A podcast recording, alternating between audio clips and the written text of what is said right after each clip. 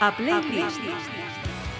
eh, que son los Millen Conning, y el disco Penny Bridge Pioneers, hace dos semanas, lo volví a meter eh, en el USB del coche y ya voy con, el, a- con, con la canción de Penguins and Polar Bears a toda pastilla. Gonzalo, de verdad. me A gusta. playlist. Hola, ¿qué tal? Saludos. Nos vamos a una playlist eh, musical doble sentido, porque ya sabéis que hacemos una selección de canciones especiales para los invitados, pero es que además eh, el invitado de esta ocasión está directamente vinculado con la música. The Blind Kraus es un grupo que conocéis sobradamente en Pontevedra y Diego es uno de sus integrantes, es su batería. Bienvenido. Muchas gracias, María. Eh, Diego, la, la primera pregunta, me curiosidad cuando yo estaba por ahí, fui checando, buscando lo de, de delirio. bueno, joder. A ver, ese nombre, bueno, ahora ya no lo estoy usando y tal. eh, nada, surgió en pues un proyecto que hicimos en clase, en diseño gráfico y tal, y teníamos que hacernos como una página web. Y no sabía qué nombre poner y se me ocurrió, pues, era como delirio, pero de, de delirio, porque en sí ya era un delirio, ¿no? Era, no sabía si se escribía con T-H-E, delirio, de, de delirio, D, E, D. Ajá. Y ya, pues no sé, me funcionaba para todo. Y luego empecé a usarlo para las pinchadas y eso, me lo usé como, como nombre. Bueno, no se me había ocurrido otro y ya dejé ese y al final pasaron años y años y años y siempre con la coñita esa del nombre ese. Del de delirio. Sí, sí. Mira, y, mm, y, y en tu DNI qué pone? Eh, Diego de la Iglesia Fernández.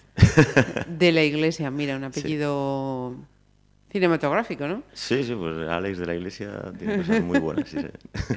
¿Y de aquí de Pontevedra? Sí, Cuéntanos. eh, a ver, eh, nací en Pontevedra, viví hasta los dos años en Lérez, Ajá. luego hasta los ocho en, en un pueblecito aquí al lado, eh, en la casa de mis abuelos, vivíamos mis abuelos y mis padres juntos, y luego a partir de los ocho años nos vinimos a vivir con nuestros abuelos a- aquí a, a Pontevedra, hasta que nos fuimos a estudiar fuera, Ajá. y hemos vuelto. O sea, eh, va- vamos a ir por varias etapas. Mm, ¿Más hermanos? ¿Eres hijo único? sí, tengo una hermana, una hermana pequeña, Ajá. le saco cuatro años. O sea, que es el chico, el chico mayor de, de la casa. Y, y tus padres también, pontevedreses. ¿Decías lo del ERE, lo de tal? O... Eh, bueno, eh, mi padre es de Marín, Ajá. Y mi madre nació en Venezuela, pero Anda. bueno, es de Pontevedra. Sí, porque mis abuelos Emigrados. habían emigrado, claro. Nació allí y nada, se vinieron para aquí cuando tenía, creo que 11 años. así. Mira, eh, uno, eh, lo, de la memoria de, la infancia es un poco eh, compleja, ¿no? Pero si te digo, digo, mm, tú el, primer recuerdo que tienes de, pequeño, no sé si has hecho ese ejercicio alguna vez, ¿cuál es el recuerdo que tienes de, más chiquitín? De pequeño.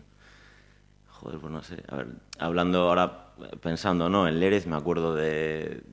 O sea, con dos años que recuerdo voy a tener, pero me acuerdo de un pasillo súper largo, estrecho, y luego, bueno, sobre todo, pues eso, en- cuando vivía en, en Curro, pues nada, estar siempre con, con mis perros o, no sé, o liándola por ahí con los primos.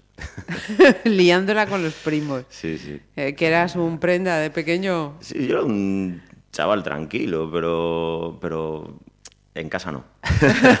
en casa era un, un delincuente. Sea, Vale, o sea, eras eh, el, niño que fuera, ese, "Ey, pero qué niño más tranquilo, qué tal. Y los padres te dicen, sí, sí, ven a casa un ratito y, y verás, ¿no? sí, sí, es que era, era la mítica. O sea, yo recuerdo una de fines de semana que, que quedábamos, bueno, hacíamos comidas familiares y tal. Y claro, el primo mayor pues tenía que dármelas ahí de... Y me acuerdo de estar bajando por una cuesta y, y derrapando con la bici delante de un muro. Y bueno, lo hice la primera vez, la segunda y les dije a, los primos todos, bueno, a la tercera, eh, en vez de derrapar voy a saltar de la bici. Y no me dio tiempo y me estampé contra el muro, rompí el brazo, la cara destrozada. O estuve años con una marca en la cara. y bueno, las comidas, las comidas familiares iban, iban bajando, o sea, cada vez eran... Así. Bien, bien, bien, bien, bien. Mira, antes de preguntarte por tu primera eh, selección eh, musical, eh, ¿cuál es esa banda sonora que, que te acompañó en la infancia? ¿Era la radio que ponían en casa, la música que ponían tus padres. Pues yo el recuerdo que tengo es a mi madre poniendo discos de, de desde los brincos a los diablos, sobre todo la canción de Eva María, Ajá, Eva la Fórmula María, Quinta, fue, sí, sí, sí, sí. siempre estaba con eso. Y luego, bueno, ya indagando así un poco más, vi que tenía algún disco de los Specials, de T-Rex, de los Rolling Stones y tal, que en su momento tampoco le di así mucha, Anda. mucha importancia y tal. Bueno, que en el medio también tenía, mi madre era muy ecléctica y por Sí. el medio tenía, yo qué sé, pues un disco de La Pantoja, uno de Manolo Escobar, pero también eran discos que se habían traído de, de Venezuela, también de mis abuelos y tal. Bueno, tenía ya su colección allí. Ajá. Y, pero realmente a mí lo que, lo que me... Con lo que estuve muchísimos años, eh, flipadísimo, era con la música de los 50. Mi padre tenía unos recopilatorios en cinta de, de Winston, eh, Ajá. Winston y tal. Y, y, bueno, ahí descubrí, o sea, lo que lo sigo escuchando y por hoy no me cansa, es, vamos, y en esa época flipaba, o sea, era, descubrí a Chuck Berry, a Elvis, a Jerry Lee Lewis, Eddie Cochran, los Hurricanes, Little Richard. Los grandes. Y- sí, sí, los grandes. O sea, claro, un recopilatorio de música de los 50. Ujú. Sí, Y, señor. eso... Sí, señor. Mire, ¿y con qué vamos a comenzar la playlist de Diego? Pues comenzaría con esa canción de, de esa cinta que me flipaba y le daba para atrás y le volvía, la volvía a escuchar, la volvía a escuchar, de Little Richard, la de Tutti Frutti.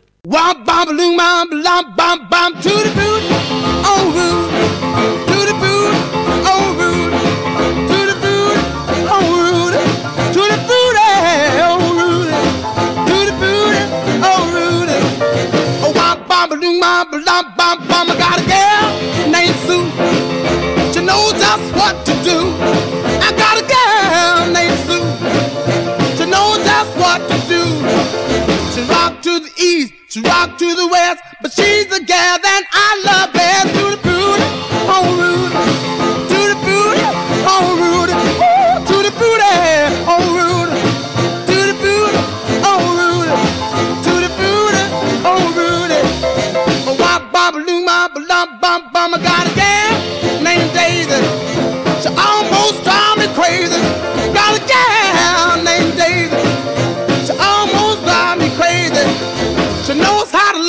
yes indeed. Boy, you don't know what you do to me. To the booty, oh Rudy. To the booty, oh Rudy.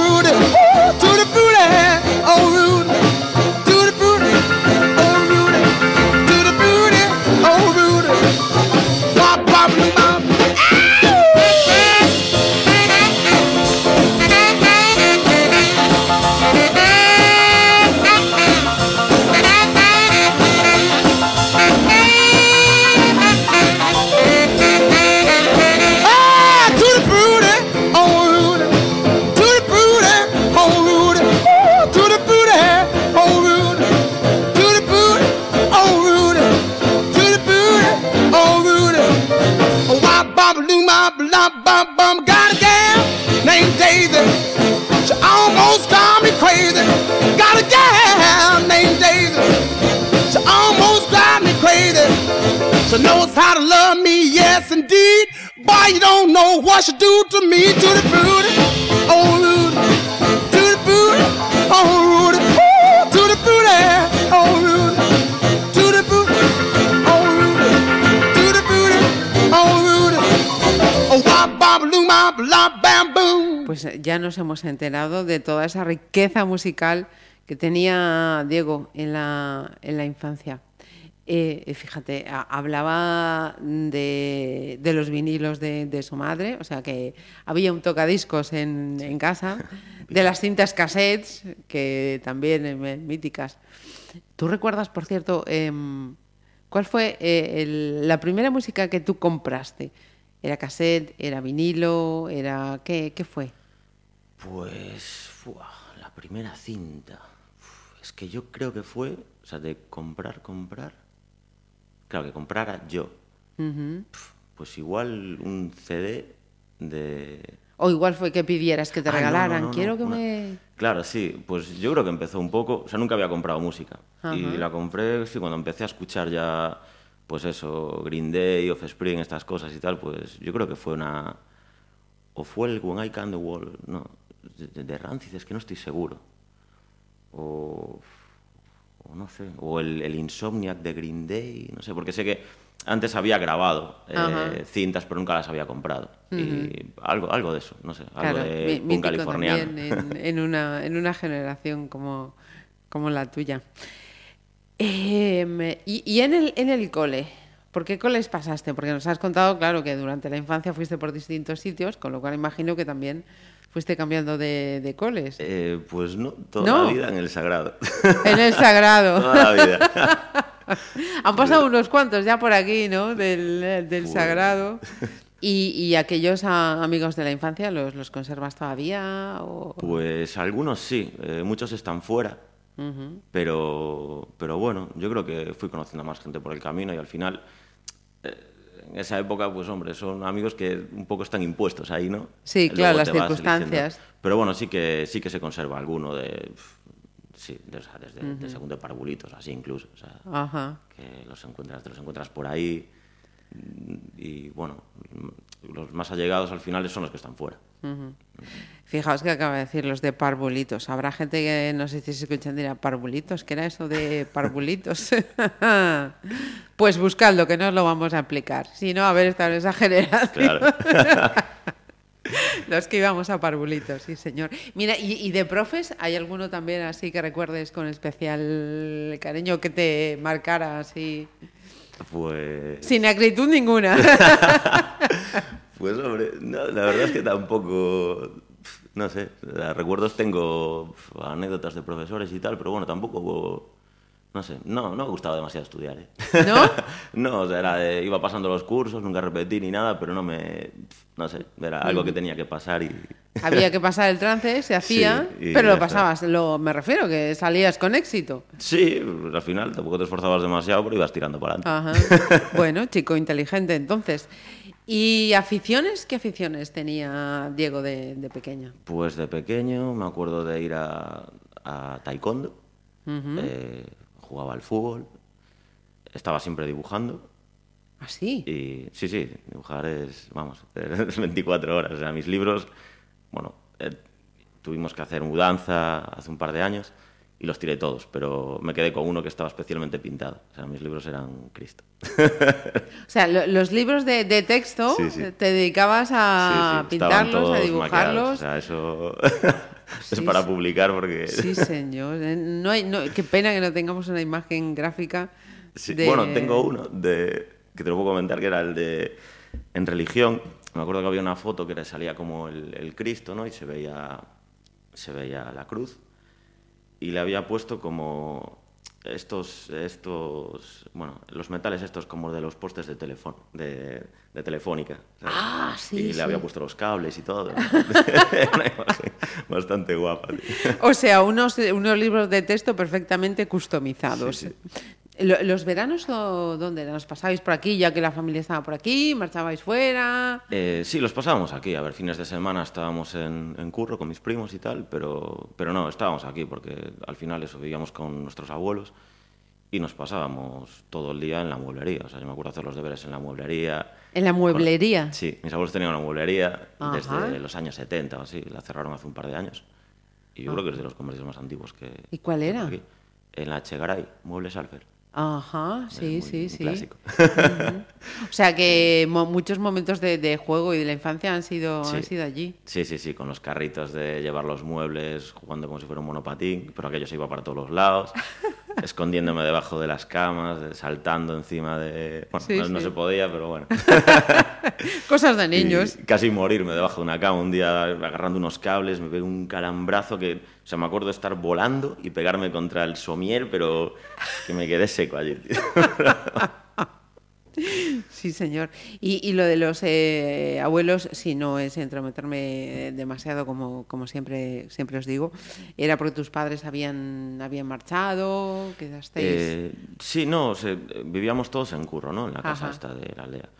Y nada, mis abuelos, eh, al tener la mueblería, pues lo que dijeron fue en plan, joder, se podían venir los niños con nosotros que como son los que nos llevaban al colegio, eran como nuestros padres, al final Sí. fueron nuestros padres toda la vida. Ajá. Y nos llevaban al colegio, a las actividades, a- y bueno, y vivíamos con ellos. Nosotros comíamos con nuestros padres al mediodía Ajá. y los fines de semana estábamos con ellos también, estamos todos juntos. Qué bueno, Pero, qué pero bueno. sí.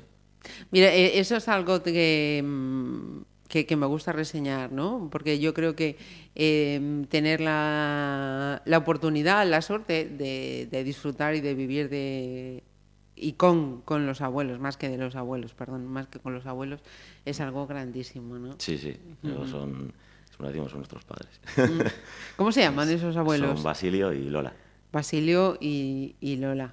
¿Y tus padres, por cierto? No te pregunté. Pues son José y Chelo.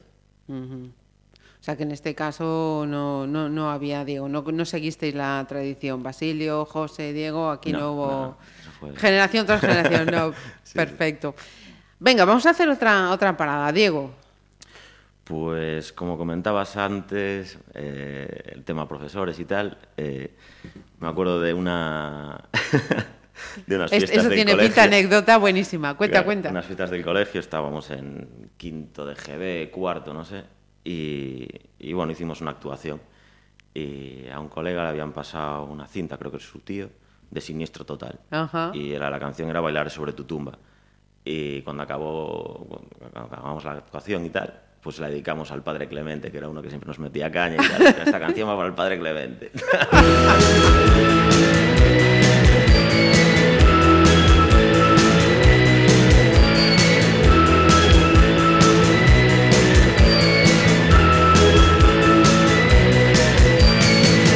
Te mataré con mis zapatos de claqué.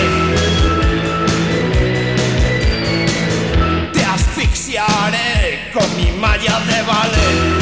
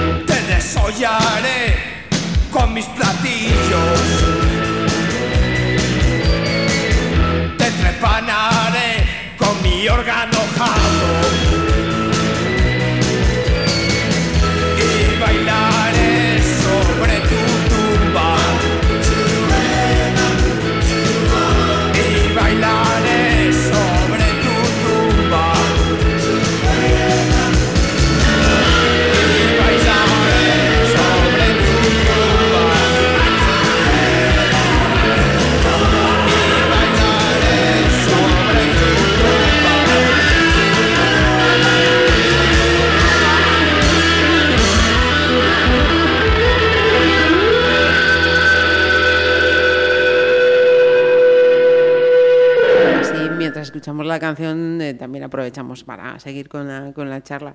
Eh, con, con tu hermana, eso de tener una hermana más pequeña, ¿qué, qué tal se llevaba? Habría que preguntarle también a tu hermana, a ver a qué pensaba del hermano mayor, ¿eh? Buah, pues la machacaba, pero muchísimo. Era. Uf. Le ponía. O sea, me acuerdo de. A mí me costaba muchísimo ponerme a estudiar. Y ella, bueno, yo sabía que tenía la lección pf, aprendida desde hace días. Y entonces, pues eso, como no era capaz de centrarme, pues iba a, meterle caña todo el rato. Y me acuerdo cuando empecé a comprar los recopilatas de música y tal, o sea, 28 canciones, y, le decía, Betty, o aciertas tres canciones seguidas o no te dejo estudiar. Y yo qué sé, canciones que a lo mejor ni yo sabía que era. La canción número 14, a ver, ¿a qué te suena esto? A ver, eh, son, los- son Pennywise. Y Betty, estás diciendo Pennywise porque sabes que me ha gustado. No, son Pennywise. Como no aciertes tres, no estudias y tal. Y así, bueno, se aprendió los Punkorama, pero de peapa. Y bueno, y... O sea, lección musical a marcha marchi- a Sí, martillo, sí. vamos, sí, o sí. Me acuerdo que me ponía la onda vaselina, le rompí el CD, "Betty, ¿qué estás escuchando? Me pasaba, me pasaba mucho. ¿Sigue viviendo aquí tu hermana o Sí, por sí, circunstancias? sí, ahora vivo aquí. Ajá, perfecto. ¿No te gustaba mucho lo de tener que estudiar, me decías? Pero mm, después del sagrado, ¿qué vino? Pues, a ver, a mí me habría molado haber hecho Bellas Artes, pero en casa pues estaban con el rollo de, pf, claro, eh, vives con los abuelos y tal, y también están con el tema ese de, ah, vas a pintar cuadros, tal cosa, tal. Y joder. Y, y nada, hice finanzas y tal, que no me gustó nada, para mí fue, fue un poco perder el tiempo. ¿Finanzas? ¿Dónde te fuiste? Administración y finanzas, no, fue aquí. O sea, Ajá. Pero, pf, no sé, era. No sé, es algo que mi cerebro hizo clac y me olvidé de todo. O sea, hoy por hoy no quiero hacer ni la declaración de la renta, no quiero saber nada de contabilidad, ni de mates financieras, ni de nada. O sea, no me interesa. También me lo saqué, pero por sacar. Ahí descubrí marketing, que a mí me molaba, hice marketing. Y realmente después dije, bueno, pues ahora que ya hice lo que queríais y tal, eh, voy a hacer lo que me apetece. Hice diseño gráfico y me fui a Ourense. Ajá, diseño gráfico en Ourense. Eh, vamos a volver un, un un poquito más, más para atrás. Ese momento eh, eh, adolescencia, porque tenemos que, eh, que pasar. ¿Cómo fue la tuya? ¿Fue una adolescencia tranquila? ¿Fue rebelde? Sí, fue bastante tranquila. Yo, todos los chavales, que si ir al cine, que si jugar al fútbol, bueno, cuando hacía deporte. O sea, en la época del deporte al final con eso te pasabas el fin de semana. Y luego fines de semana, te digo, en- con los primos, jugando al fútbol, yo que sé, me acuerdo de después de comer, eh, desde las 3 de la tarde a- hasta que no se veía, hasta las 12 o así. En la calle. Jugando, pero seguido. Igual dejábamos, venga, nos dábamos a. Aparte éramos mi primo y yo que jugábamos al fútbol, mi hermana y mi prima, que claro, nos jugaban. Qué y abusones. Nos damos 100 goles de diferencia, tal. Teníamos muchísimo ¡Qué tiempo. ¿eh? sobrados! ¡Qué sobrados! Joder, no, porque tenías muchísimas horas, tío.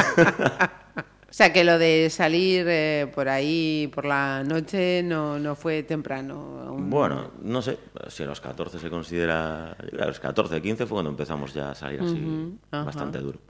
Bastante duro. Sí, sí. Mira, por, por- de, de aquella, por, ¿por dónde era? ¿Por dónde os movíais? Pues bueno, lo mítico, que si Carabás, que si la Madrila, que, bueno, esa, ese rollo, en bares Esos sitios que, que a día de hoy ya no existen. Pues no tengo ni idea. Yo es que me volví también muy... Voy solamente a lo que me gusta y donde pone música que... O sea, yo ni siquiera viví la época esta del reggaetón. Sé que existe, pero no... Tuve la suerte de no... Al margen. Sí, sí, de no ensuciar el oído. Va- vamos a escuchar eh, algo más de tu selección antes de irnos a, a Orense, Diego. Pues, pues aún hay bastante, ¿eh? porque ahora iba a pasar a, a Green Day cuando descubrí a Green Day, que este año hace 25 años el, el Dookie, que es el disco que me cambió totalmente y hizo que empezara a escuchar todo lo que escuché en la adolescencia y, bueno, que aún sigo escuchando, ¿no? Todo ese rollo de el punk rock, el hardcore melódico, punk pop, yo era más de punk pop. Era- me acuerdo que a la gente le gustaba más Offspring, pero yo prefería Green Day. Eh, ese Y- debate algunos lo han tenido, fíjate. Sí, sí, sí. Si eras o uno, de unos o de otros. Sí, sí, era Offspring o Green Day, tío. Y. Offspring era como los, buah, los más malotes y tal. Yo prefería Green Day, era más cachondeo. Y leías las entrevistas y todo y contaban cosas como, "Buah, pues nos colamos en una fiesta y, y no nos molaba el sitio y, y le cagamos en la olla y nos fuimos. no sé qué. y era como, joder, pues a mí se me hacía gracia, tío. Y-. Y, no sé, y realmente al final se fueron, yo qué sé, Offspring pues eran como, tenían un mensaje más político tal, que luego se transformó en, bueno, ya son cosas mías, ¿no? Al principio sí, sí, mucha política, mucho rollo y tal, y luego al final estáis en la piscina, vendiendo aquí, vamos, y Green Day, bueno, se mantuvieron en lo que hacían y, y luego sí que empezaron a hacer letras políticas un poco más serias y tal, fueron con la edad. Los Spring fueron con el dinero. Aunque todo hubo dinero por todas partes, ¿eh? pero, pero bueno. ¿Y, y, y cómo llegó eh, Green Day a ti? ¿Algún colega? Pues, ¿Casualidad? eh, casualidad, yo llegué a casa eh, una tarde, creo que empezaba Canal Plus, y creo que eran los 40, no estoy seguro. Y vi el videoclip de eso, aparecían tres tipos en un manicomio, unos colores azules, naranjas, amarillos, como si fuera un cómic casi, y una canción increíble, pero súper contagiosa. Tenía ese toque espídico, no sé, me, me flipó, me, me trastocó, pero, pero muchísimo. Y, y bueno, gracias a Green Day después también pues descubrí eso, a, pues desde cine, o sea, hay un sonido del cubo, que es en lo que estaba basada el, el videoclip y tal, a todo lo que hablaban en sus entrevistas, de que si los Ramones, que si los Clash. O sea, fue como el, el germen. Ajá. Mm. ¿Y de Green Day qué vamos a escuchar? Pues la- el grandísimo clásico Basket Case. Do you have the time to listen to me whine about nothing and everything all at once? I am one of those melodramatic fools, neurotic to the bone, no doubt about it. Sometimes I give myself the creeps.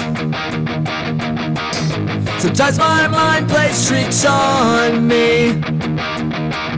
It all keeps adding up. I think I'm cracking up. Am I just paranoid? Am I just up? I went to a shrink to analyze my dreams. It's lack of sex that's bringing me down. I went to a whore. He said my life's a bore. So quit my white cause it's bringing her down. Sometimes I give myself the creeps. Sometimes my mind plays tricks on me. It all keeps up. Am I just paranoid?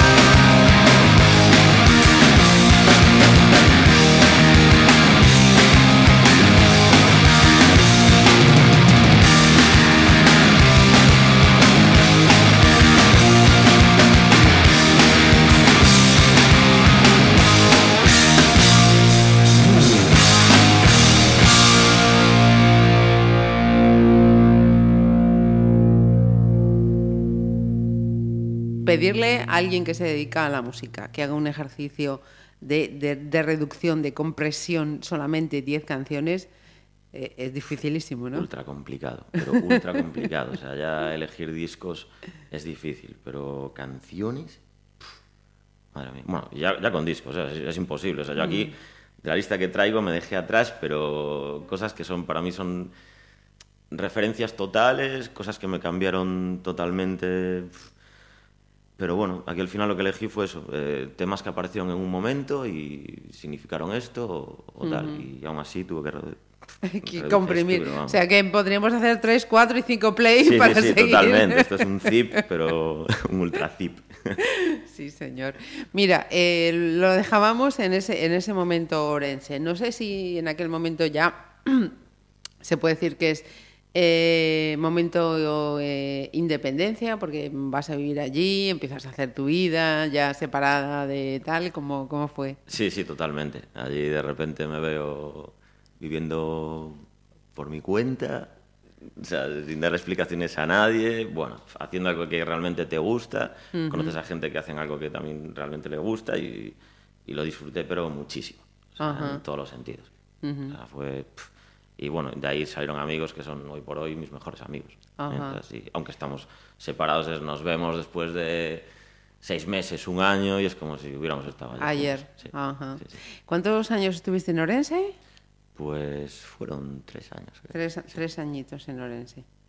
Eh, mira, y la, la música, lo, lo de empezar a, a tocar, ¿cuándo comenzó? Pues eso empezó en esa época también. Sí, No, en esa época no, fue justo después, cuando empecé a, a trabajar. Eh, bueno, había hecho las prácticas aquí en Pontevedra, me había quedado en la agencia y luego eh, pues tenía la posibilidad de irme con una beca fuera. Me fui a Florencia y a la vuelta, eh, trabajando en una agencia, eh, estaba súper estresado y decidí pillarme una batería. Espera, espera, que, hay, hay- muchas, hay muchas referencias. Sí, sí. Con una beca te vas a Florencia. sí. ¿Qué haces allí? Pues eh, diseño gráfico. En plan, estoy en una agencia trabajando, estudio algo de idioma y pasármelo muy bien también. Hombre, me imagino. Aprovechar para pinchar en, en un garito también. o sea, Ajá. La primera vez, entonces, que empiezas a pinchar. eh, no, ¿Ya pinchaba en? Pontevedra. Ajá. Eh, pero sí, yo creo que sí, ¿no? Sí, sí, ya pinchaba en Pontevedra. Aquí era, iba con el ordenata y era, pues, fiesta de Erasmus y tal, no sé qué. Venga, va. Y le metía, pues eso, eh, que si Sinistro Total, que si... Bueno, todo lo que escuchaba. Ajá. Pero bueno, metía algo de esto para, para la gente que también estaba, de, que venían de aquí y tal. ¿Y, y hay mucha diferencia entre eso de ser eh, pincha DJ aquí y allí? ¿O al final todo.? Eh, nada, más o menos es igual. Si aquello era, fue un poco la excusa para sacarme algo de pasta y no tener que pagar en, el- en la cervecería esa, que era, era cervecería de guiris, o sea, rollo todo Guinness y tal, y, y nada, aparte pinchaba con el ordenador. O sea. ¿Y, y lo del diseño gráfico? Pues eso, nada, trabajé en una agencia que realmente, pues no, no era una agencia así muy allá. O sea, me hacían trabajar con Corel, que no había dado Corel en la vida. Con Corel, tío, ¿hacéis? ¿En serio que tengo que estar haciendo catálogos, tío, con las estrellitas? Bueno, yo decía, no sé, intentaba estar lo menos posible, que se acabara eso rápido y aprovechaba para patearme Florencia, irme fuera y... Qué grande. Sí, sí. O sea, te conociste. Sí, sí, bien. bien, bien. ¿Cuánto tiempo fue lo de Florencia? Nada, fueron tres meses y algo. Fue una beca Leonardo. Tres meses in- intensos, gracias Sí, sí, a, sí, muy a- a Leonardo. Sí, sí. Eh, an- antes de, de irnos a la siguiente selección, ese momento batería, cuéntame. Pues nada, eso justo, volviendo de, De Florencia. de Florencia, pues eché currículum y a las dos semanas estaba en una agencia. Estuve, bueno, en esa agencia estuve casi tres años y pico. Pero bueno, ya por la mitad estaba como muy estresado, era, aquello era una locura. Y para desestresarme es que no me apetecía hacer deporte, ni buscar gresca, ni nada. Yo sentía tranquilo. Entonces dije, "Venga, ¿qué hago? Pues me pillo una batería y la reviento. y, y nada, eh, pues yo pinchaba en un local y un colega me presentó a Alberto. Y me dice, Ajá. bueno, tengo aquí un colega que toca la guitarra que flipas, no sé qué, tal. ¿Por qué no montáis algo y dejas de darle tú solo a, a la batería? Y, y al domingo siguiente, o sea, ese, ese domingo, o sea, realmente ya era domingo, eh, de resacón máximo, nos fuimos para Curro, quitamos, o sea, apartamos la cama para un lado, montamos allí el rollo, empezamos a hacer versiones y, claro, yo no tenía ni idea. O sea, le daba como un primitivo, Berto ya tocaba siendo autodidacta también, bueno, había estudiado piano y esto, pero, pero bueno, la guitarra era algo que había aprendido él, pero tocaba que, o sea, sé cómo toca la gente y eso ya era otro, otro nivel. Era otro nivel, Yo ¿no? decía, ¿qué hago con Ya era este pro. y, y así, así empezó todo. Empezamos a hacer versiones que sí de los Ventures, Chuck Berry, los Sonics. Ahí le descubro a los Black Keys que me salían en un recopilata de épitafs del que ya hablaremos porque según la lista aún, aún falta. Ajá. Y, y empezamos a hacer eso, eh, versiones y poquito a poco empezamos a ensayar, nos fuimos a los locales de Pontevedra al año siguiente y así. poco Eso es de Noisy Room, ¿no? Sí, de Noisy 2008. Room, sí. Estamos Joder, 2008, de Noisy Room. Pues sí. Ya, Sí. hice, hice deberes, ¿eh? Sí, hice deberes. ya, ya. Bien, o sea, que empiezas la, la batería, eso, para desestresar. Sí, sí, y- sí, la tenía montada hasta al revés. O sea, yo decía, el, el base no sube más, está montada al revés. Bueno, un Cristo. uf. Bueno, y el momento es en el que dices a tus padres, oye, que voy a montar ahí abajo un chiringo, va a tocar. Pues no sé, dijeron, "Vas, ya sacan sus tonterías, yo qué sé. tío". No, le dieron ya creo que ni importancia. Luego, claro, cuando empezó el ruido sí que... Pero bueno, que ahora están encantados, ¿eh? O sea, cuando no estaba, no, no venís a ensayar y tal. Ah, echan en falta. Sí, señor. Vamos a escuchar algo, algo más, Diego. Sí, a ver, eh, claro, voy a irme un poco más hacia atrás porque esto me hizo una lista como cronológica. Sí, y yo ya me fui demasiado Y, adelante. Claro, yo estaba en el 94, vamos a pasar al 98. Vale. Que con la encarta 98, pues puse la palabra punk a ver qué salía y apareció una canción del Elvis Costello que me flipó, el Pump It Up. Ajá. Y, y lo primero que hice fue buscarme ese disco y me acuerdo que lo pillé en el corte inglés. Y, uf, y me, me flipó. Y, y bueno, Pump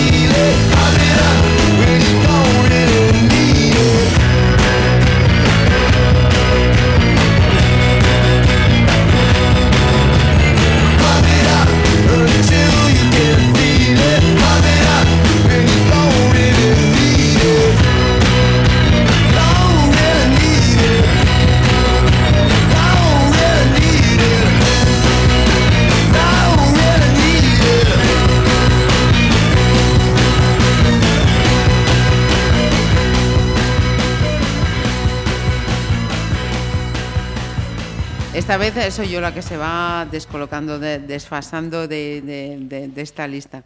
Tú dices, espera, que todavía hay muchas cosas que contar, que si no yo, yo voy tirando, voy tirando para, para adelante.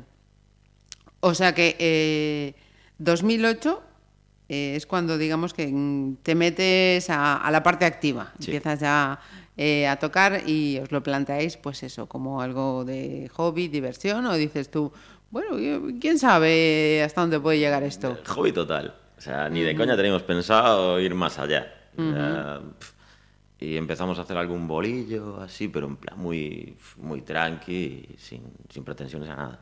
Sea, pero bueno, luego sí que eso, nos presentamos a un concurso, lo ganamos, grabamos una maqueta y a partir de ahí dijimos, joder, empezamos a hacer Eso es canciones 2000, 2010, ¿no? 2010, sí. Ahí fue cuando ya le Ajá. cambiamos, bueno, ya teníamos temas propios, eh, seguíamos haciendo versiones y tal, pero dijimos, joder, ¿por qué no hacemos solamente temas propios? Ponemos un nombre serio y empezamos y hacemos algún bolo un poco más en serio. Y a ver, yo qué sé, lo que vaya surgiendo. Eh, más en serio, y además ya dejáis de ser The Noisy Room y ya sois The Blind. Crowd, sí. Vale. Eh, ¿El nombre? ¿Por qué? Cuéntame esa historia. Pues, a ver, claro, hacíamos... A mí me gustaba el punk, a ver, te le gustaba el blues. Ahí surgió todo, ¿no? Era el blues punk y, claro, tenía una banda que me molaba mucho, que eran de Sao Paulo, que se llamaban The Blind Pigs. y, y, bueno, el blind me molaba porque era el rollo de, de ciego de borrachera o ciego de estar ciego. y, y bueno, eso me servía, ¿no? Y, y los cuervos era como yo pensaba en un animal, ¿no? Que pudiera ser el blues. Y decía, joder, qué mejor que un cuervo. Entonces fue The Blind Crowes. Y el T-H-E-E es Mm, el sí. D. Ese lo metimos un poco para, también hacíamos algo de garaje y tal, era un poco para posicionarnos ahí, en saber que ya con el nombre era, era puro marketing. Ah. y al final quedó. Pues mira, yo buscando, rebuscando, yo de, de inglés, ¿no? Me sobra una E, buscando, mirando, mi- no acababa de... Pues mira, ya me lo Sí, acaba de decir. in- del inglés antiguo, ¿eh? lo utilizaban muchas bandas de garaje y tal, era como el su. el- y, bueno, pero para nosotros era para posicionarnos un poco. Ajá. Pero lo de los chicos malos y la música eh, es un mito, ayuda, eh, no ayuda. Yo es que siempre me lo tomé más a cachondeo, chico malo tampoco. Siempre para pasármelo bien y tal, pero, pero bueno, si pones cara seria, igual cuela. Sí, impone, impone. sí, o- puede ser, no sé. A mí. El primer concierto que disteis, ¿te acuerdas? Buah, el primer concierto. Supongo que serían los locales de música, los locales de ensayo, estos de, a lo de la estación. Para eso, para la gente que estaba allí ensayando. y- pero no sé, así recuerdo. ¿Y, y, y qué sentiste? ¿Te acuerdas? Así, la primera vez que te pones ahí a la batería, que gente pendiente de lo que... Wow, ultra nervioso. Eso nunca fui de, de subirme a un escenario y estar tranquilo. O sea, Alberto sí que estaba acostumbrado, ¿no? Del rollo de tocar el piano y todo el tema. Y yo lo pasaba, pero fatal. O sea, De hecho, tenía que tomar un par de birras porque si no, no. No, aquello nada, Ni los de- nervios no- Ni de coña. tío. Yo le pegaba con un primitivo y, miraba para abajo. Lo sigo haciendo hoy por hoy. pero- Eh, y, y visto ahora, con esta trayectoria hasta la fecha, el concierto más especial que, que tengas grabado, Uf, pues no sé. o todavía no está por venir. Yo, yo espero que esté por venir, pero bueno, eh, tocamos con bandas que nos apetecía mucho tocar y yo qué sé, pues con- no sé, es que son varios. eh, cuando tocamos con los Flat Duo Jets, que para nosotros es una banda bandera, y tocamos con ellos y fue como, joder, qué, qué ganas. O sea, no nos esperábamos tocar con esta banda, ¿no? Que fueron los que un poco la base de los White Stripes, o sea, mamaron todo de ahí. Y para nosotros era como, ¡buah, grandioso! Y bueno, los tíos venían de reenganche total, fatal. Como, ¿Esto qué es? ¿Cómo va a acabar esto? Pero bueno, luego yo qué sé, pues bandas, los Legendary Shake Shakers cuando tocábamos en el País Vasco, dieron un bolazo increíble. Nos, o sea, eh, Lo que mola realmente es eso, tocar con, con bandas que, que son como la base para ti y luego directos son brutales. Me habría flipado haber tocado con Zen Guerrilla, pero ya no existe. que fue el mejor bolo que vi en mi vida. Y- Mira, ¿y, y cómo se ve un concierto cuando uno es eh, músico, cuando está en un grupo, cuando toca, desde la otra parte, como espectador? Pues yo es que siempre lo viví mogollón. O sea, de hecho lo viví tanto que ya en, en dos de los últimos bolos me rompí una costilla. ¿Cómo? me había ido a un Funtastic a ver a, a los Newborn Tarks, que es una banda que me flipaba. Me metí. Bueno, esa la verdad me la rompí muy de la manera más estúpida. O sea, me apoyé contra la valla, estaba saltando allí y tal. y me empezó a doler y dije yo, "Buah, fi- bueno, fisuré, no llegué a romperla. Bueno, pero Y- golpe tuvo que ser fino. Sí, y la última vez también, en un poco en viendo a los Rancid, también, o sea, volví como 15 años atrás y me vine arriba. y ya no tenemos edad, no hacemos deporte. Y bueno, esa fue la última, espero que no haya más, que haya aprendido la lección. O sea, que te dejan huella cuando Sí, vas sí, como dejan huella, espectador. sí, sí, sí. Vale, vale. vamos, a, vamos a escuchar ya la, la sexta selección de esta lista, si no me equivoco. Quinta. Quinta. Quinta, sí. Pues sigo yendo para atrás. Vale. época de colegio aún. Y nada, la época en la que conozco eh, los recopilatorios, los Punkorama, los eh, de Epitaph, eh, Fat Quake, eh, Vagrant, Burning Heads, Bad Taste, que ahí descubrí todo, desde Satanic Surfers a los Descendants, Bad Religion, Gasaffer, bueno, ahí había de todo. Y, y nada, la canción que, que voy a poner es la de, la de los Beastics, la de Panic, que, que es una canción con la que, bueno, eh, nosotros cogíamos el bus y como yo siempre uf, me- se me pegaban las sábanas, siempre lo perdíamos, al final los tenía que llevar mi abuelo al colegio. Y claro, mi hermana era la mítica súper aplicada, todo sobresaliente, tal, quería llegar siempre a hacer todo súper bien. Y iba desquiciada en el coche porque aparte había un tráfico del copón y yo le ponía este tema que la, la ponía más nerviosa porque era a grito pelado mi abuelo baja eso "Ah", subiéndola ahí y, y nada Panic de Beastix A día de hoy tu hermana te ha perdonado, ¿no? sí sí sí está encantada es una de sus bandas favoritas va bueno. Venga, pues va por ella, ¿no? Pobre. Claro,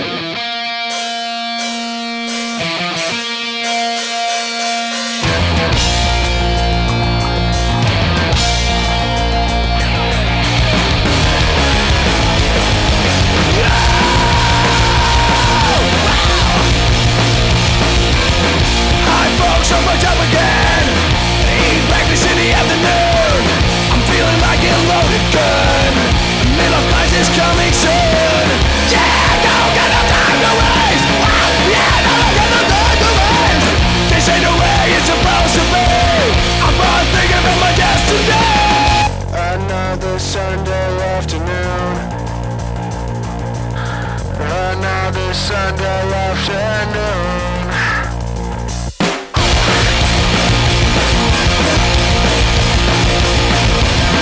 Come now, think positive. Isolation in the ugly face. Masturbation, its fun.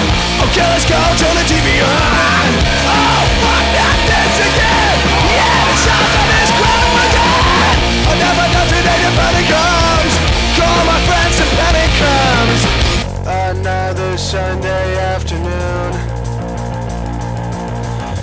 Another Sunday afternoon. Another Sunday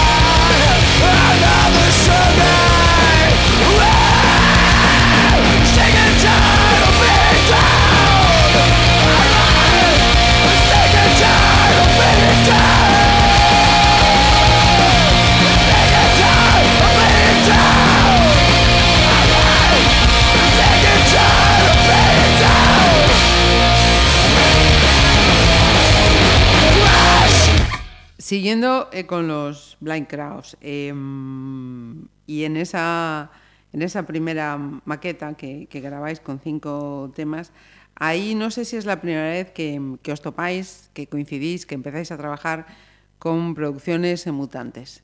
sí sí sí sí Cuéntame ahí, porque uno de los temas he visto eh, entra en la banda sonora de una web serie. ¿Cómo, cómo fue aquello? Sí, eh, nada, eran amigos que salían con nosotros los fines de semana y tal.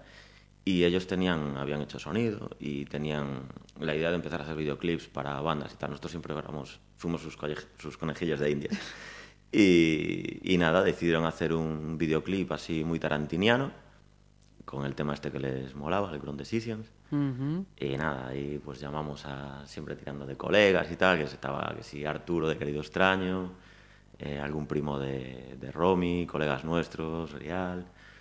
Y, y nada, o sea, ellos realmente son los que nos hicieron todos los videoclips que tenemos. O sea, son como, ahora serían los cuartos cuervos. debería ser- sea, Samu llegó después, sería él el cuarto, yo serían los terceros, pero realmente el cuervo es Samu. Así que, nada, ellos son la imagen de audiovisual. Una apuesta, me, me- me gusta eso de, de crear em, e- e- esas sinergias ¿no? entre lo- eh, lo- los que dedicáis a disciplinas eh, culturales, eh, artísticas eh, diferentes, ¿no? que, se, que se creen esos, esos lazos tan, tan fuertes sin tener que salir fuera, ¿no? que, que lo tenemos aquí. Claro, al final coincidió eso de ser colegas. eh, bueno, a Ger lo conocí por Romy, que ya salía con nosotros y tal. Y gente que también le gustaba mucho eso, el punk, el, rock and roll. Y, y bueno, y querían hacer algo un poquito, no quedarse en audiovisual ah, normal. Y querían hacer videoclips y para bandas. Y eso fue como el, la, también el germen. Ajá. Eh, al año siguiente ya viene la, la segunda maqueta, ¿no? 2000, 2011. También eh, con, trabajáis con, con producciones mutantes. Eh, sí, bueno, de, ese- de esa maqueta no hicimos ningún videoclip. Ajá. Ese fue el, creo que era el... Ahí tengo los, el dato, Los entonces. tapes, puede ser. Que también lo habíamos grabado también en el mismo sitio donde grabamos la primera maqueta, que había sido... Era una escuela de sonido en la que habíamos ganado un concurso y nos grababan dos temas. Y la primera vez, la primera maqueta, que eran cinco, le dijimos, joder, son temas cortitos, si podemos grabar más y grabamos cinco. Después grabamos el de los tapes, que nos llamaron directamente, no entró en concurso ni nada, pero nos dijeron que les había gustado el año pasado, que si nos importaba grabar dos temas, nosotros, joder, encantados. Y así metimos dos temas nuevos. Perfecto. Antes de, de irnos ya con el, el primer LP, hacemos otra paradita. Eh, venga, sigo tirando para atrás. Venga. ya no tan para atrás. Seguimos. Pero es que Epitaph para mí, eh, los Punkorama, o sea, me Mm. dieron como la base para todo, porque me descubrieron. A ver, esa eran eh, pues ellos que estaban especializados más en el punk rock, en el hardcore melódico, tal. Pero bueno, también te descubrían otras bandas que ya eran otro rollo y, y a mí me, me influyeron hasta hoy y siguen siendo mis bandas favoritas. O sea, me descubrieron a Tom Waits, a los Cramps, eh, Wayne Kramer, con Wayne Kramer descubren C5, que al final son un poco los, los padres del, bueno, los padrinos del, del punk rock americano. Eh, tenían ese punto soulero también, no sé, era, no sé, me descubrieron, estos recopilatos me, me descubrieron de todo, hasta los Black Keys, ese rollo de bandas de dos, yo no sabía que era una banda de, de dos, los escuchaba, tenía un sonido setentero, tal, y, y nada, y ahí me quedo con, con el tema de eh, una de las bandas que, me, que se diferenciaba del resto, que eran los Zen Guerrilla, eh, Slow Motion Rewind, eh, era el tema que salía en el Punkorama 5. Y los descubrí y a los dos meses venían a Vigo, a la Iguana. Ajá. Y nos fuimos un colega y yo con billete de ida y de vuelta. eh, o sea, teníamos pasta para una birra, no podíamos comprar ni merchandising ni nada. Y así aguantar toda la noche hasta el primer tren. Toma castaña. Y, y la verdad es que fue brutal. El mejor concierto que vi en mi vida. Y mira que fui a bolos y nadie superó ese bolo, pero imposible. Y gente que conocí después, que había ido a ese bolo, gente mayor, ¿no? O sea, que me sacan igual 15 años o así, también lo tienen como el mejor bolo que vieron en su vida. de- Y, y saliste entero. Eh, yo sí, pero mi colega recuerdo que estaba todo marcado. De- más pequeñito, se metió en el medio, lo pusieron, pero fino.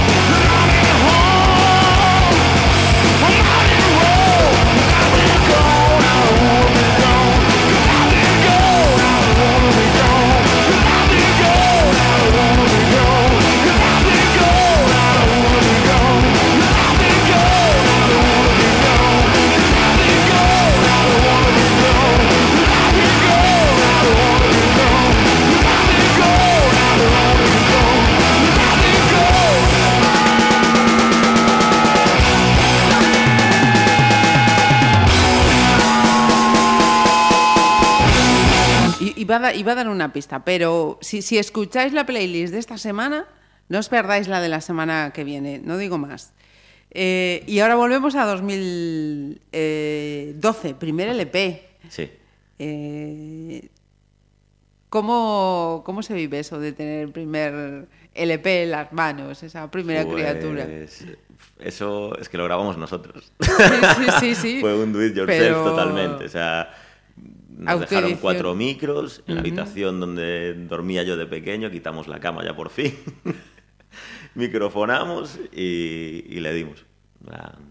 Así. ¿En cuatro horas? Me parece que he leído. No, ese fue el single. Ah, Eso fue vale, después. vale, vale, vale. Esto, no sé, fue un fin de semana, tampoco le dedicamos a- demasiado. Pero bueno, me acuerdo de estar hasta haciendo sonidos con la cadena del perro, con una, con una sierra, pegándola allí. Bueno, estamos un Cristo.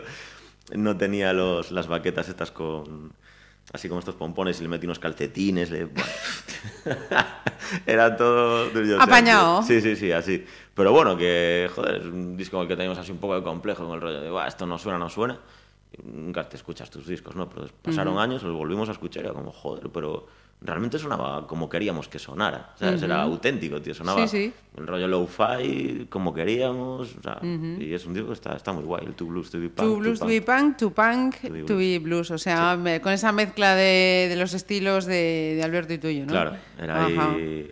O sea, para mí es el. Le llamaría así a todos los discos. Realmente es que es la definición perfecta. Para Oye, se puede poner edición 1, Uno, edición dos, 2, claro. 3, claro. Pero, Oye, ni, ni más ni menos. Eh, estoy preguntándote en estos últimos eh, minutos, en estas últimas secciones, todo el tiempo por la música. Pero eh, vivir de la música es jorobado, ¿no? Sí, es ¿De- ¿De, complicado. qué, de qué vive Diego? Claro, yo soy diseñador gráfico, eh, entonces vivo de eso. Eh, hubo una época en la que estuve en dos bandas, estaba en Terbutalina y Blaine Kraus, y, y bueno, pues oye, funcionó mucho mejor y tal, pero uf, era, uf, era una locura. Era- me acuerdo de ir a, Se- tocar, a tocar a Sevilla y ir con el... pf, currando con el Mac atrás, con la tableta gráfica, que yo era, ir mareadísimo, puf, que va. No, eh, tuvimos que frenar un poco porque no... Sí, no, así que, demasiado, demasiado acelerador, ¿no? Sí, sí. Demasiado acelerador. Mira, em, quería preguntarte también eh, por la historia de una batería de los 60. Ah, pues nada, eso fue ahora que nos... Nada, que queríamos cambiar el equipo, salir con el equipo ya mejorado y tal, y dar un salto. O sea, tenía mi batería que ya estaba, ya tenía sus añitos. Nunca le das importancia a los instrumentos, tampoco me considero un músico. Eh, pero bueno, eh, una vez que cae en tus manos una batería de los 60, uf, notas la diferencia, pero la diferencia es abismal. O sea, yo no sabía que la, la afinación cambiaba el sonido. Te lo juro, porque aquella daba No, no, igual es como a la mí me lo, contabas era- antes, claro, y decías, bueno, ¿qué, tiene una batería de los 60 que no tenga una pues de- del siglo XXI? Ya, bueno. No, a ver, aparte de que. A ver, es. No sé, yo nunca le di así demasiada importancia, te digo, tampoco le. Pero, pero bueno, sí, por las maderas y tal, o sea, los entendidos, los que me la consiguieron y tal, pues me decían, joder, es que el sonido es diferente, eh, las cosas en aquella época se hacían bien, ahora es rollo producir y venga a sacar para afuera, el sonido es como un estándar casi, o sea, bah, tampoco es. Y sí que sí que notas, mira que yo tampoco soy ahí que tengo un oído especial, pero se nota muchísimo la diferencia. ¿eh? Ajá. Mira, y, y a, a día de hoy, habitualmente, un día eh, rutinario, mm, ¿cómo es la, la vida de, de Diego? Pues al final, al trabajar para ti, estás encerrado en casa muchísimas horas y lo único es salirte a tomar una caña con los colegas y, bueno, eso por la semana. Fin de semana, pues es todo lo contrario, estás todo el día fuera y en casa muy poquito. Y, y es lo que te pide el cuerpo, ¿no? Descanso, casa o todavía Eh, la vena. No, no, aún hay, hay, hay. y aparte ahora empieza la gira, empieza... uf, ahora hay- Em, te preguntaba esto de, de- qué vive, eh, porque para, para vivir de la música, eh, em, si, si te digo en qué orden pondrías esto, ¿qué, qué es más necesario? ¿Los buenos contactos, hacer muy buena música o, o- tener mucha pasta? Eh, los buenos contactos, sin duda. O sea, eso...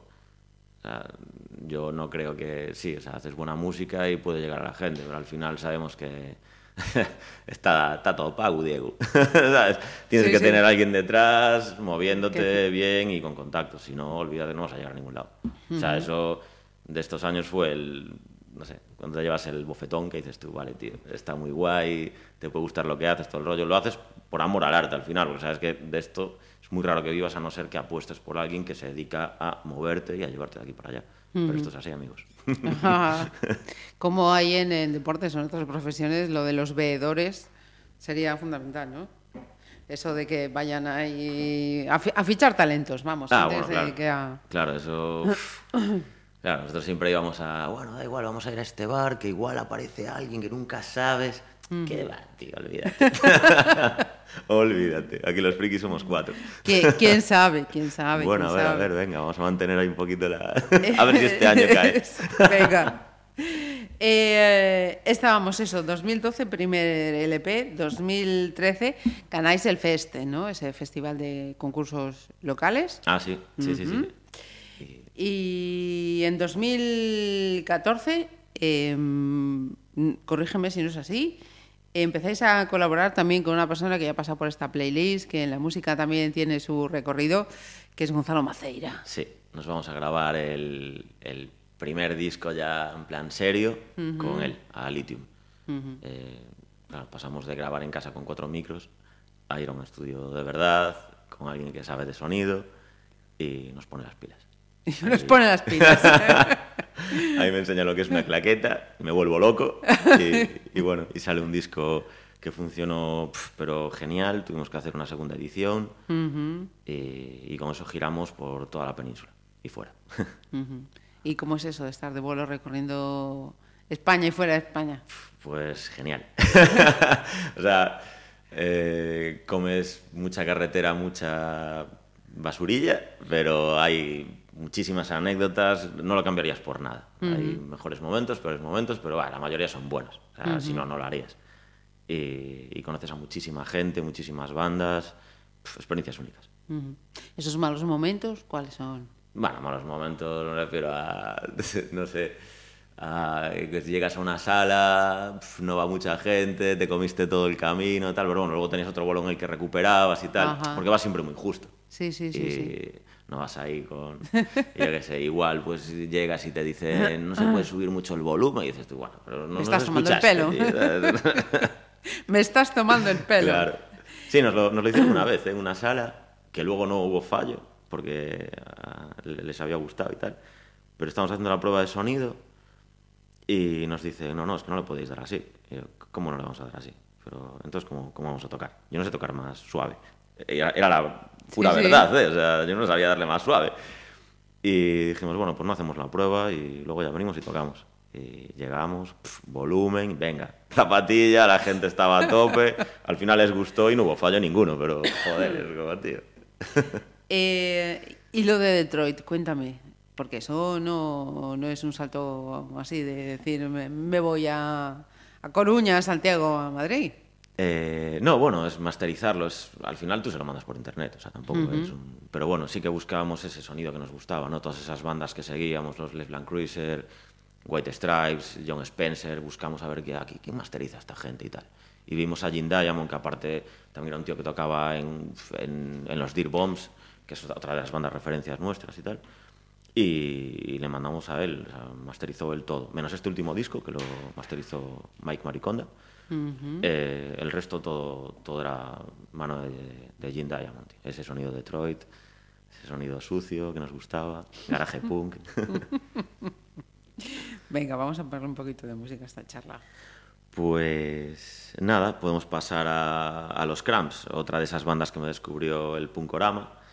Y esta banda pues me descubrió los sonidos más primitivos, el rockabilly, el psicobilly, y con una canción súper cerda, que aparte la, esta canción salía en un, en un VHS, Ajá, mi un ma. recopilatorio de la casa y tal, y me acuerdo de esa imagen de la... el, el tío tirado por el suelo con zapatos de mujer a cuatro patas, escupiendo contra una mesa, lamiendo la mesa, bueno, la tía en ropa interior dando vueltas así, todo, todo muy guarro, ¿no? Y fue como, wow, cómo mola esto, qué primitivo, qué visceral, era todo así como... Ajá. Y la canción era Like a Bad Girl Show. I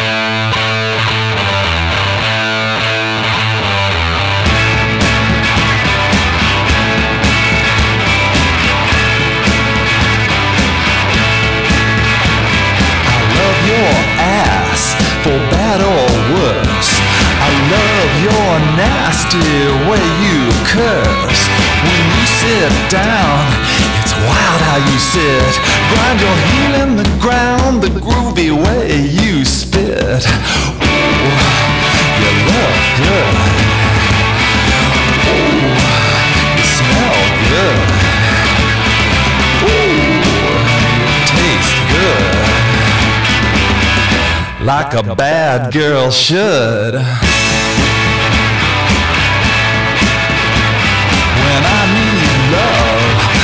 Love how you feel.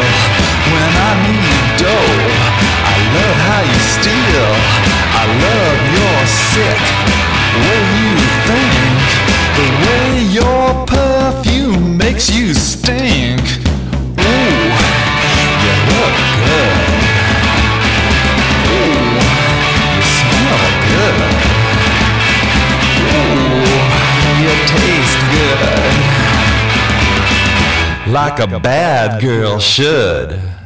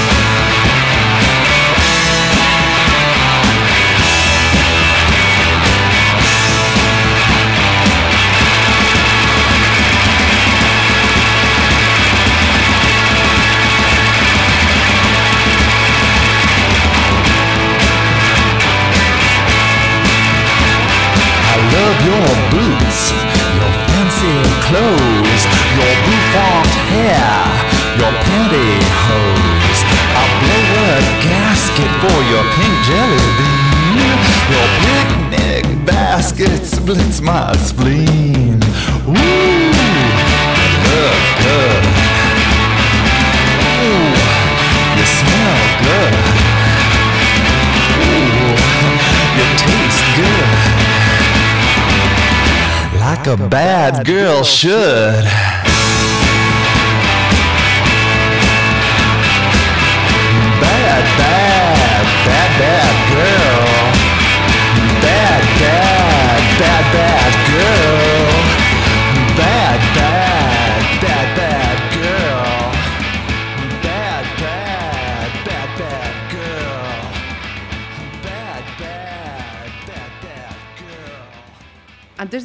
preguntarte por Guillotina Studio, que también tengo aquí eh, anotado, le doy la vuelta a la hoja y nos vamos así a, a un combo de preguntas más, más personales.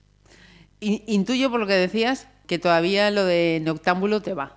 Sí, sí, sí, sí. Sí, porque al final es eso. eh, también pinchas en, en locales por la noche y tal, y, y bueno, aprovechas un poco.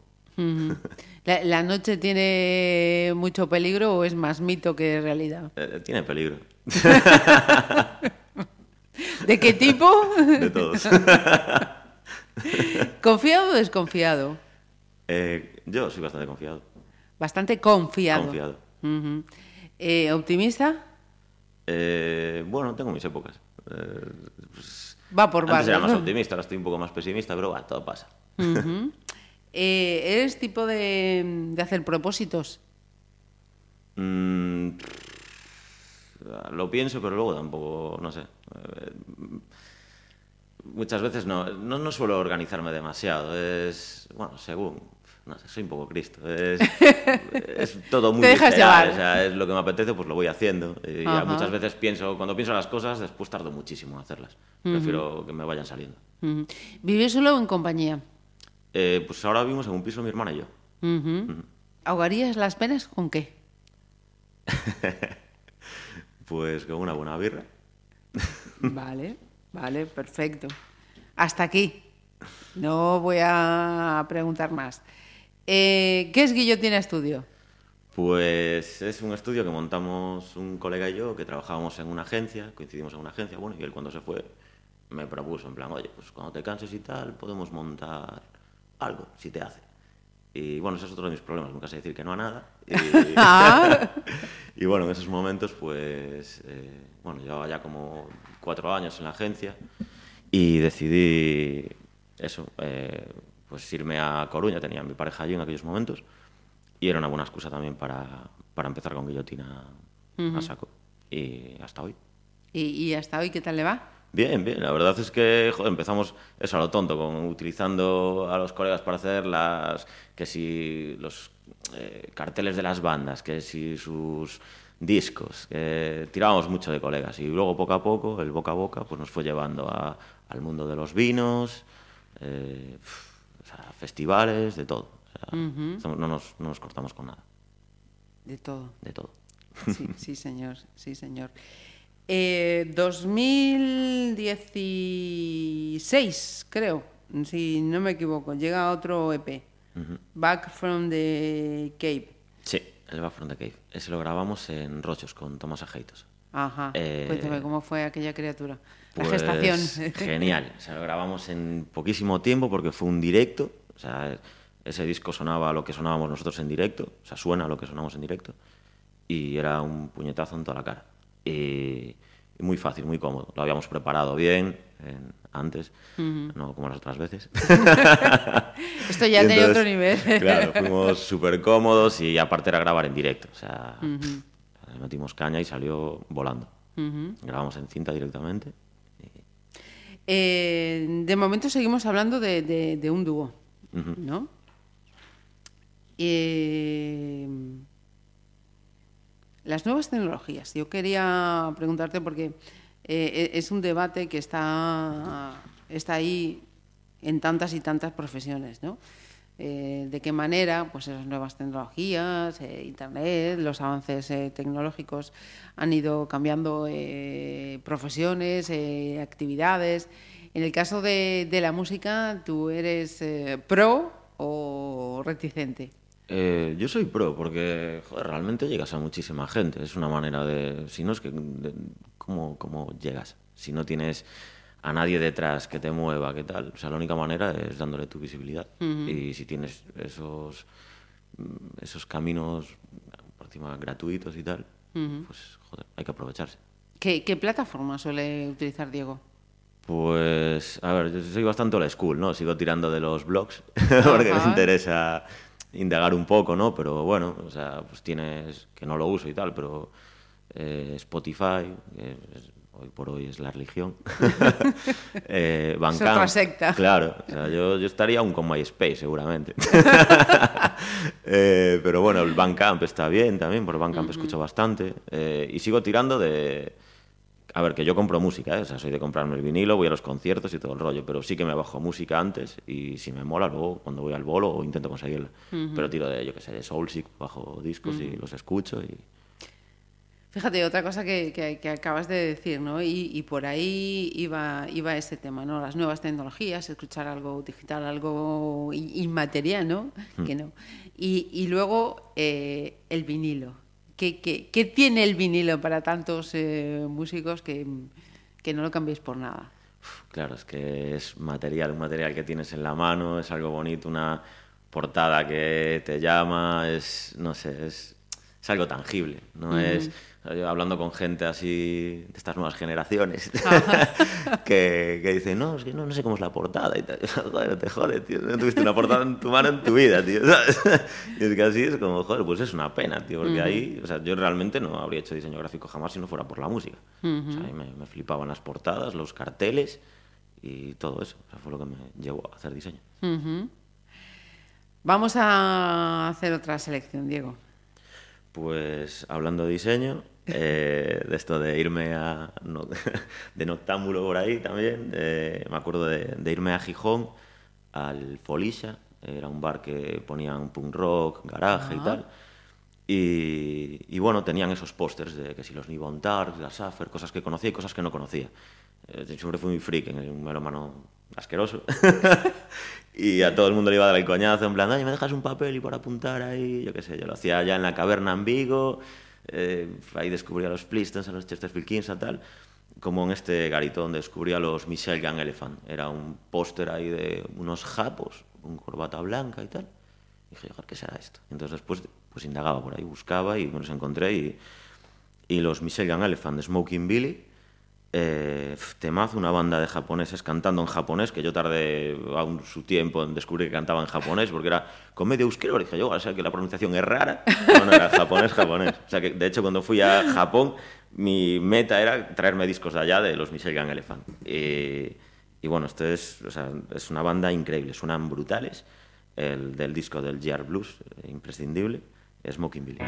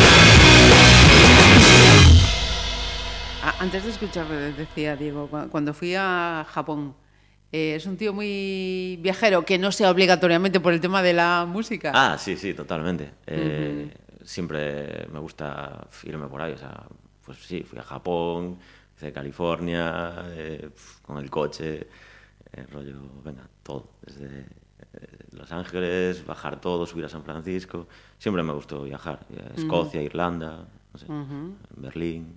Así, de los destinos que, que te has hecho hasta ahora, ¿cuál está en el top?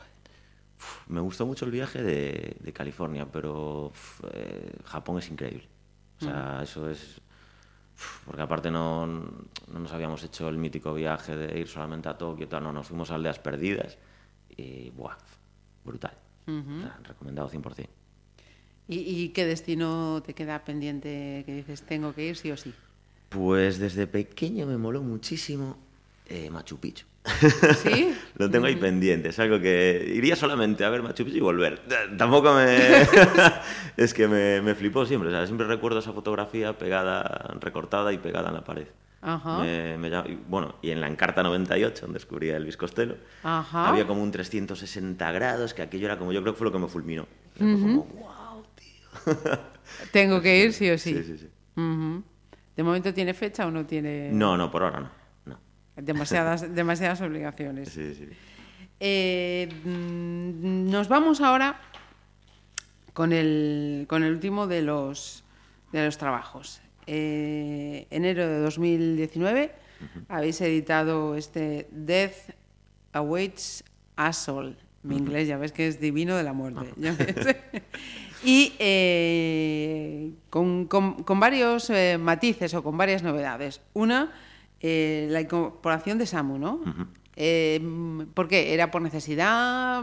¿Cómo, cómo fue esto? Pues a ver, nosotros teníamos preparado ya un disco décimo aniversario, eh, teníamos pensado salir los dos y tal, pero bueno, por el camino surgió el tema de, bueno, íbamos a, a montar la banda, iba a ser más loca todavía, dos baterías, bajo y guitarra, y le íbamos a montar con, con ¿Dos Martín. baterías? Sí, sí, dos baterías.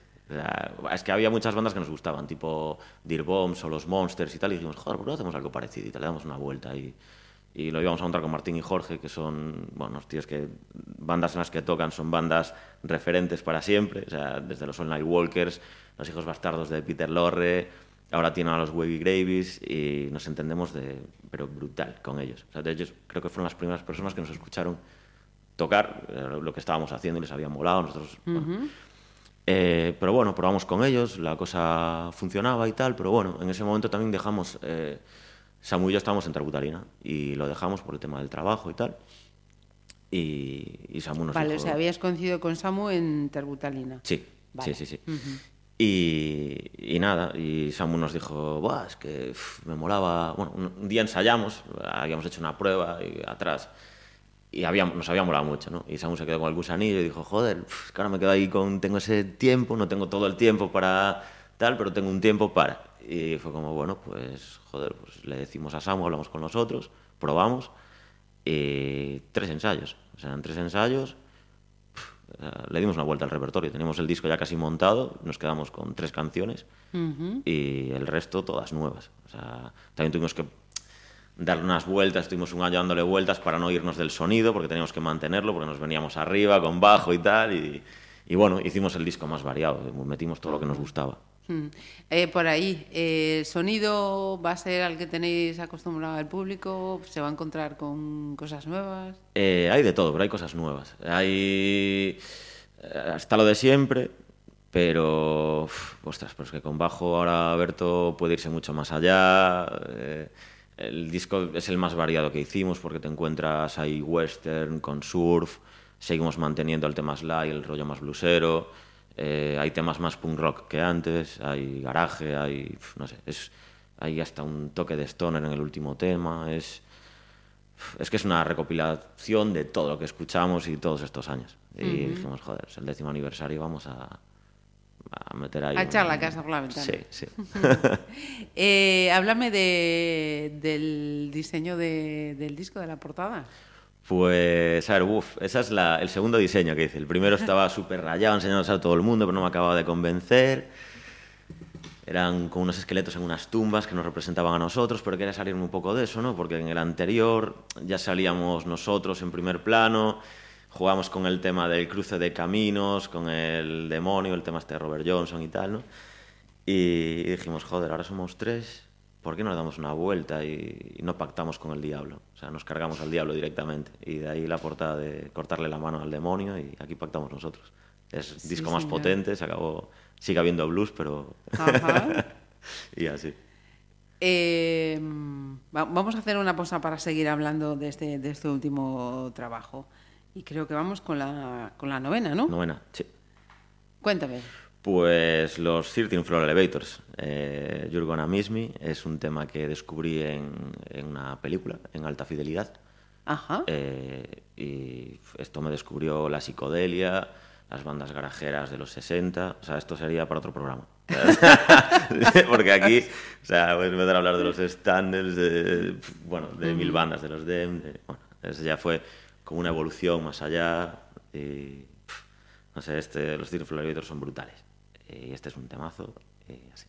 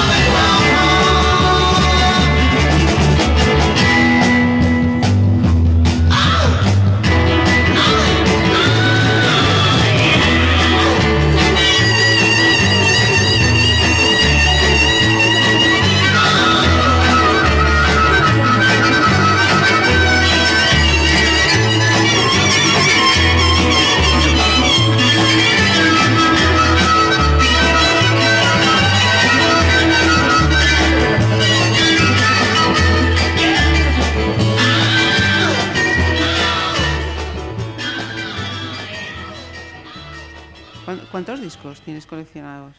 Si los tienes contabilizados. Pues, sobre 400 y pico. Debo tener, son entre LPs y singles, más o menos. Bueno, igual más. Y bueno, y CDs tenía ya sus, sus 400 y pico CDs también y cintas. O sea, que tienes una habitación única y exclusivamente para almacenar todo, Eh, Sí, sí. todo, todo, todo eso. Sí, sí, que con todas las mudanzas que hice ya dije, estos discos quedan en Pontevedra para siempre, vaya donde vaya, de aquí ya no se mueven porque esto es un Cristo. Pesa muchísimo. Y es un- Y un tesoro. Sí, sí, también. también. ¿Hay algo más de colecciones además de música? Eh, tengo bastante diógenes, pero bueno, ahora con las mudanzas y esto, pues me, me fui deshaciendo de todo porque coleccionaba de todo. Y, o sea, pósters, me encantan los pósters, camisetas, camisetas, pues igual pasaba de las 500 que empecé a donarlas, claro, porque eran, para mí las camisetas o sea, tenían el recuerdo de ese concierto, de ese, y los diseños me molan mogollón y entonces no, no me podía deshacer de ellas. Y claro, si vas a bolos y en los bolos le compras la camiseta, el disco, tal, pues, al final empiezas a coleccionar y claro, tienes, ahora las tengo todas ordenadas por colores, bueno, un poco de toque. Tan diógenes no puede ser. No, ahora, no puede me deshice de muchas cosas y me deshice de muchísimas camisetas. O sea, las, me costó muchísimo, pero las doné, no las tiré. Eh, y de hecho las sigo viendo, se las doné a un bar y voy a ese bar y las sigo viendo y es como, joder, pues ahora Me apetecería me volver quedaba con esa y te la cambio por otra. bueno. Mire, ya que hablabas de, de camisetas, eh, el vinilo viene además con su merchandising, ¿no? Sí, es un pack especial que hicimos. O sea, hicimos un pack especial para Claro, nos habíamos gastado todo en eso, en la, que si la batalla de los 60, que si no sé qué, tal, nos quedamos sin pasta y fue como que hacemos un crowdfunding. Bueno, tenía su rollo porque el crow eh, nos venía bien y tal, pero fue como, va, no, tío, no vamos a hacer esto. Y dijimos, bueno, pues vamos a sacar un pre-order con un pack especial. Y hicimos un parche, camiseta, eh, lámina. No, camiseta no, no, no entraba en el pack. O sea, hicimos el merchandising de siempre, pero el pack era eh, la lámina serigrafiada, un parche y el vinilo en rojo, que era una edición limitada. Y nada, luego sí hicimos lo mismo, camiseta, chapas, bolsos, siempre lo hacemos. Y eso es lo que te da la vida luego para ir por carretera y esto. Ajá. Eh, he visto que mm, habéis mm, puesto que eh, sois lo más vendido en Bandcamp en el mes de, de enero. En el capítulo eh, Garaje Blues. Punk, sí, sí. sí. Sí, Va, sí. efectivamente, ahí está. ahí Claro, está. ahí eso ya es cosa más de Samuel. Realmente ya ahí ya pasé un poco, me, como Samu es, es- es- trabaja de community manager y todo el rollo, ya nosotros nos lleva a las redes y bueno, pues es un paso que se notó pero muchísimo, nosotros éramos unos asainas y de repente empezó a funcionar, la gente, ¡guau, cómo mola el rollo, cómo lo lleváis y tal, no sé qué. Y él pues se fija en todo eso, es algo que no me quedaría y tal, y me dijo, joder, tío, guau, este mes el más vendido en Pontevedra, el más vendido en Coruña, el más eh, a nivel gallego tal, a etiqueta Blues Punk, y yo en plan, joder, qué guay, tío, pues, pues dale ahí, tío, que se sepa. Sí, sí, no, no, claro, esto lo que hablábamos antes, ¿no? Todo tiene sus pros y sus contras, pero, pero estar ahí en, en la red, la difusión es, es brutal. Em, nos has mencionado varias veces eso de las mudanzas, mudanzas, las mudanzas. Em, ¿Eres un tío de, de vivir en una ciudad así, pues pequeña como Pontevedra, o, o te tiran las ciudades grandes? Eh, pues hombre, en ciudades grandes realmente no. O sea, Florencia cuando estuve de beca y eso, pero siempre pues eh, viví, siempre que viví fuera fue por trabajar en agencias. Trabajé en Santiago, que ya ves, es un pueblecito pequeño, pero estaba muy guay. Tiene mucho movimiento. En Coruña también, otros cuatro años. Eh, también bueno, es un poquitín más grande que Pontevedra y tal, pero bueno, son ciudades así más. En Vigo también. Y por eso siempre me estuve moviendo de aquí para allá. Y los Ajá. discos siempre iban conmigo. Y de ahí de decir, "Puf, qué va, tío. Pero la, la tierriña es la tierriña de aquí. Sí, al final acabas volviendo. Es- ¿Eres muy, como dicen aquí, morriñento? pues va, es que realmente siempre estoy por aquí. O sea, aunque viviera afuera, pues sí que si venía a pinchar aquí, que si veníamos a ensayar aquí, me, me muevo bastante. No- por ahora no, no me entra esa morriña. Eh, mira, otra, otra de mitos y, y leyendas. ¿Hay tanto mito y leyenda en los backstage como se quiere hacer creer? Bueno, pues el backstage realmente somos bueno, más de dar la cara. Quien dice backstage dice Ah. camerinos. Bueno, me acuerdo una vez que nos dijeron unos chavales, no sé si podían entrar en el making of. Y fue como, bueno, pues El entrar en el making of. Vale. Pero nada, dentro nada. O sea, tienes comida, bebida, ahí te encuentras cosas sanas. Muy sanas. sí, muy sanas. vale, vale, vale. Eh, mm, precisamente eh, queríamos eh, hacer cuadrar esta, esta playlist porque eh, este sábado 15, eh, sábado, sábado 15, ¿no? Eh, 16, creo. Sábado 16, sí. Estoy. Sábado 16, viernes es 15. Sí, el viernes Claro, porque me decías, viernes estáis en Orense y sábado 16 estáis en la, en la Sala Karma presentando este disco. Eh, ¿A qué hora? Es en 10. Eh, die- Diez y media creo que empieza. Sí, diez y media. Tocamos con Playa de Esmayo. Todo el mundo allí a las 10 antes. Va a ser una buena, ¿eh? Mira, os sentís eh, respaldados, queridos, aquí por, por el público pontevedrés. Pues te contaré el... para la semana, a ver qué es lo que pasa. En principio sí, ¿no? O sea, yo creo que, hombre, ya hace un tiempo que no tocamos y tal. Este fin de semana fui a catar un poco a ver la cosa como iba por ahí. Todo el mundo dice que va, pero luego a ver si no hay excusas. Pero en estos 10 años sí, sí que es cierto que si yo creo que si a la gente le preguntas en grupos de Pontevedra, el, el vuestro está ahí sí o sí. No, sí, dimos el coñazo bastante. Vale. La cosa es insistir, ¿no? Picar, Claro. picar ahí como, como buenos mineros. Eh, ¿Con qué vamos a cerrar esta, esta play, Diego? Pues vamos a cerrar un poco con la banda que creo un poco eso, en la que nos descubrió un poco que los dúos podían ir más allá, eh, que son los Black Keys, con Ten y en Automatic, que era un tema que salía también en otro Punkorama. Ajá. Y gracias a esta banda, pues nada, eh, fue cuando empezamos a buscar más bandas tipo Immortal County Killers, eh, los White Stripes, Flap Duo Jets, eh, Left Land Cruiser, todo ese sonido que nos molaba, todo eso que nos gustaba. Eran bandas, eran dúos. y, y esto, pues nada, fue como el primer tema que, que versionamos de un dúo. Y después de, este, de esta banda, pues hicimos muchas más versiones. Y los Black Keys, pues es un poco como la, la piedra del dúo. Venga, pues con ellos vamos a terminar. Mm, Diego, de Delirio, muchísimas gracias por dedicarnos este tiempo Gracias, y, gracias. y por lo menos por otros 10 años más. Claro, muchísimas gracias.